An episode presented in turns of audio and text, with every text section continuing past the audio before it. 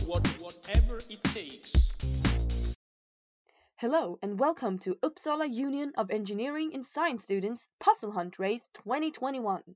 Legend says it will be the best ever. My name is Victoria, named after Victoria Beckham because my older sister was such a big Spice Girls fan. I come from the real north, 200 kilometers north of the Arctic Circle. Yes, we have midnight sun up there. And no, there are no polar bears. So, I am the one who is going to present the car entertainment you will never forget. By answering the questions asked here, you can get lots of time deductions.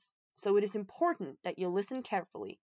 If you're looking for more ways to get a time deduction, I urge you to carefully read through the Puzzle Hunt Race's sacred scripture, the Hefte.